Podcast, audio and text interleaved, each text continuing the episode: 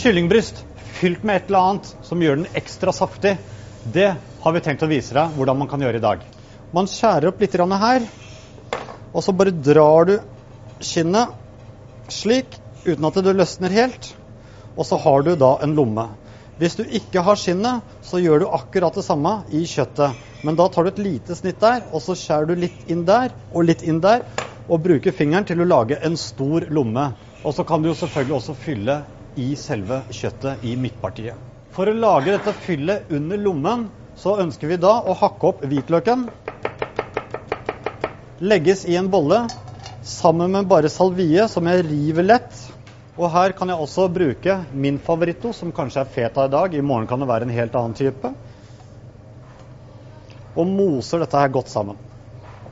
Dette fyllet tar jeg da og putter inn i den lommen som vi lagde i stad. Med å rett og slett åpne lommen, fylle den godt inn og klappe på den.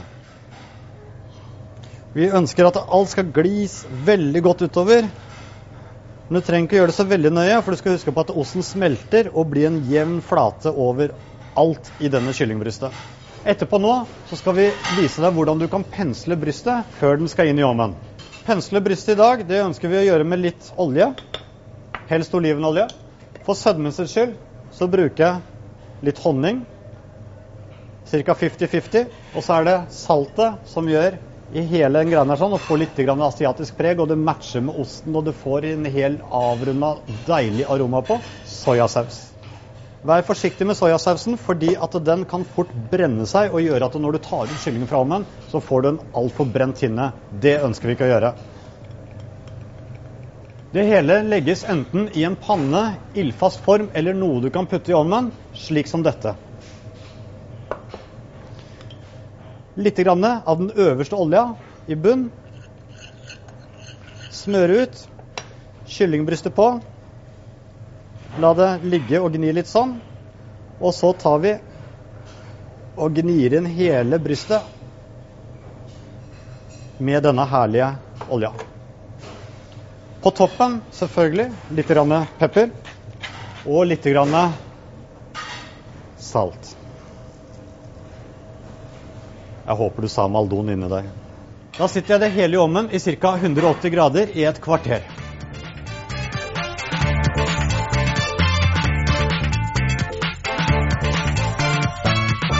Tilbehøret til dette her sånn ønsker vi å lage en enkel røstig potet. Røstig potet er rett og slett poteter som er eh, raspa og stekt i olje og smør. Da har vi altså litt nypoteter, sitron, litt hvitløk, litt timian. Måten man gjør det på, det er rett og slett å raspe potetene. Nypoteter har så lett skall at jeg er ikke redd for å bruke skallet her sånn. Skallet har mye vitaminer og mye næring. Men for all del, du kan bruke hvilken som helst potettype, bare det er nok stivelse inn. Hvis du bruker en potettype som ikke har så mye stivelse, kan du gjerne tilsette et halvt egg i, og så bare blande det inn. Så stivner det også, faktisk smaken i røstipotetene som man ønsker å tilsette i røstipotetene, da snur man denne og tar litt mindre.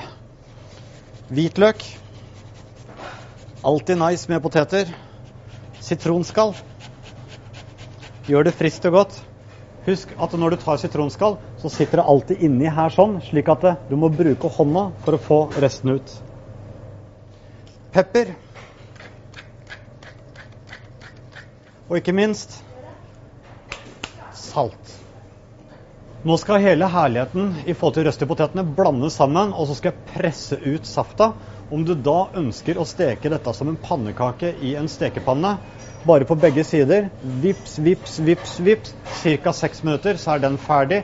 Eller om du ønsker å gjøre den litt mer nice, som jeg har tenkt å vise deg hvordan man kan gjøre, så bestemmer du det selv. Røre godt i sammen. Her har jeg et fantastisk rør som er et veldig kult redskap som alle kokker elsker å bruke. Jeg bare dytter poteten oppi her. Nå ser du at det er mye vann på toppen her. For å få ut det, bruk makt. Så tar du en varm panne med først olivenolje og steker herligheten oppi det.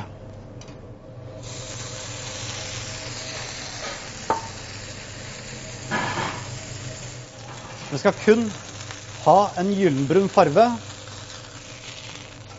før du snur den. Når du har snudd denne her sånn, så setter du den også inn i ovnen sammen med kyllingen i ca. 10 minutter.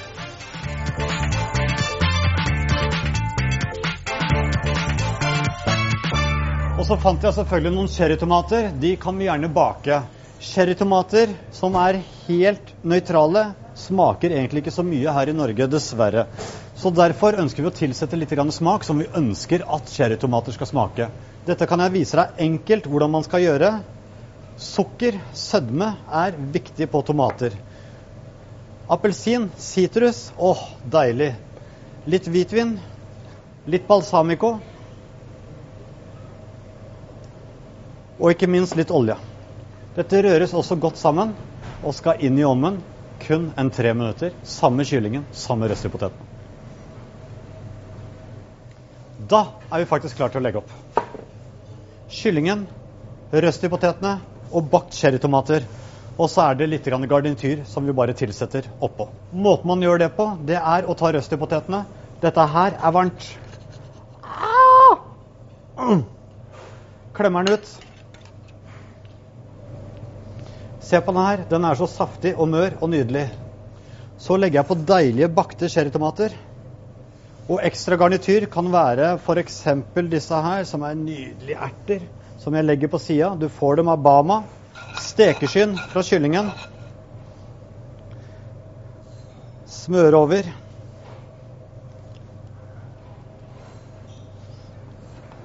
Og la det hele bli en herlighet med appelsiner på toppen, og ikke minst noe deilig salat og urter. Da sier jeg bare vel bekomme.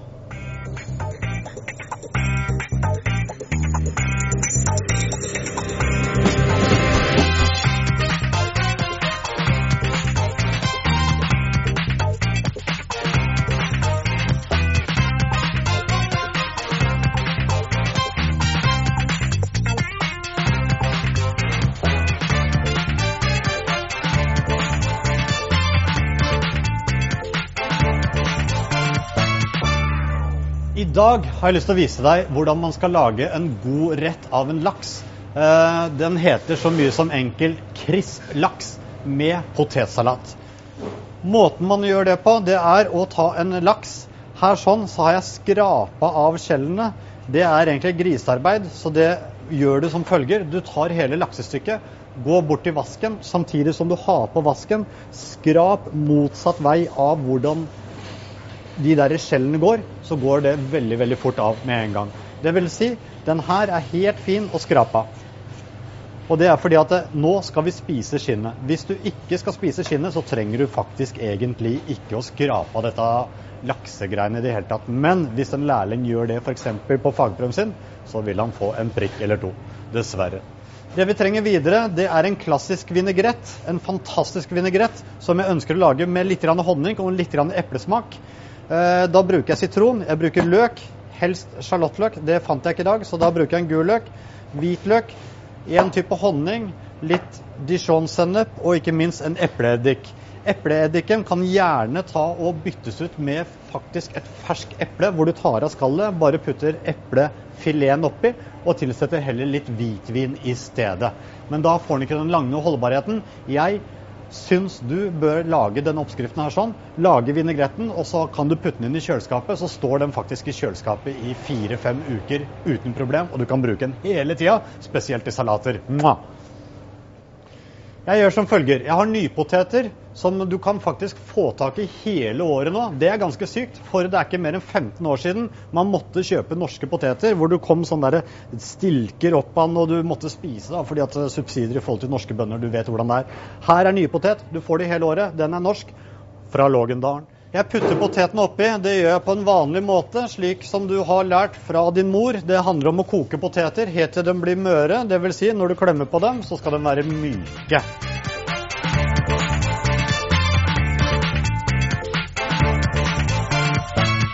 Laksen den ønsker jeg med filetsiden opp, og den ønsker jeg kun å salte og pepre litt. Kun for at den skal få en herlig smak på toppen også. Saltet Vanlig maldonsalt, noe som jeg gjør her på Grang, som er litt kult, det er faktisk å putte tørka oliven inn og knuse saltet, slik at du får litt sånn olivensalt. Veldig enkelt triks. Og det smaker så mye bedre faktisk av saltet.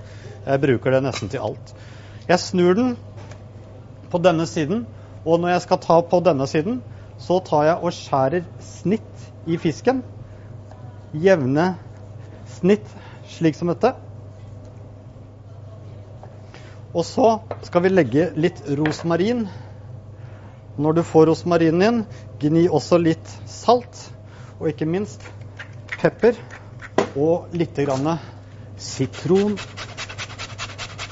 sitronzest. For å få den frisk og god.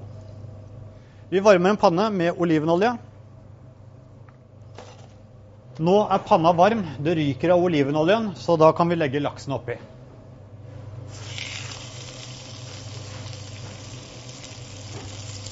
Når laksen krøller seg sånn som han gjorde der, han bare drar til seg, så betyr det at han er nesten i live ennå. Det er ganske sykt. Vi setter lokk på toppen. Jeg tipper 67 minutter på den laksen.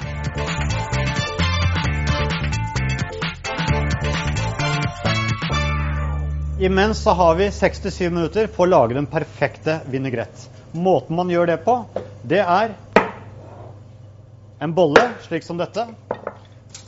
Litt sennep. Skvisa sitron. Litt honning. Jeg bruker blomsterhonning, men du kan bruke absolutt hvilken honning du ønsker. Ingen problem. Hvitløk.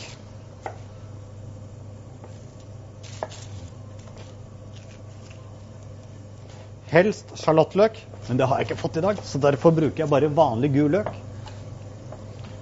Litt koriander.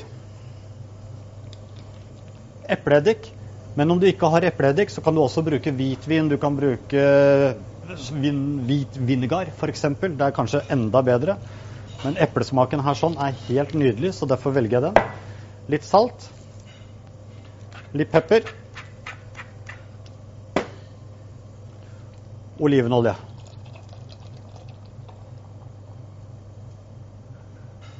Sånn. Måten man gjør dette her på, det er at det nå ligger eggehvitestoffene etc. i bånden, slik at når man begynner å blendre, så skal alt bare gjøre seg tykt. Og det er egentlig ganske triks, men du begynner bare å kjøre litt og litt, og så blir dette her en fantastisk vinaigrett.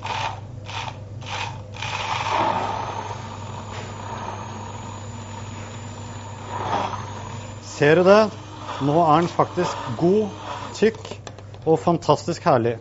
Det som gjenstår da, det er å smake på.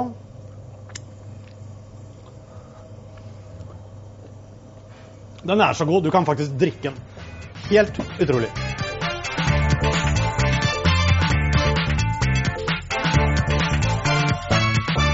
Så går vi over til fisken. Da ser den nesten ferdig ut. Måten man gjør den ferdig, det er å tilsette litt smør, og så glazer vi den.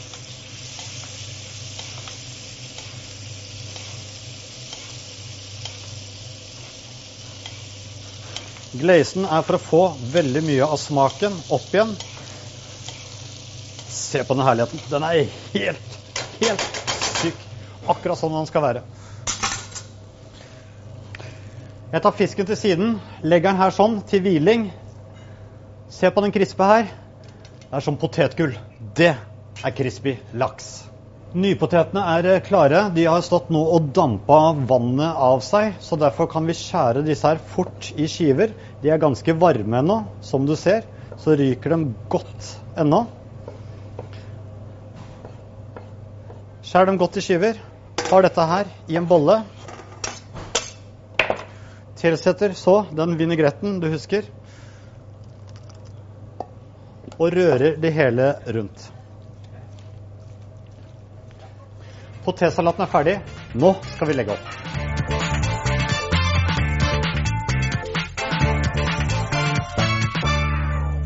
Måten man gjør det på Litt kul salat i bånn.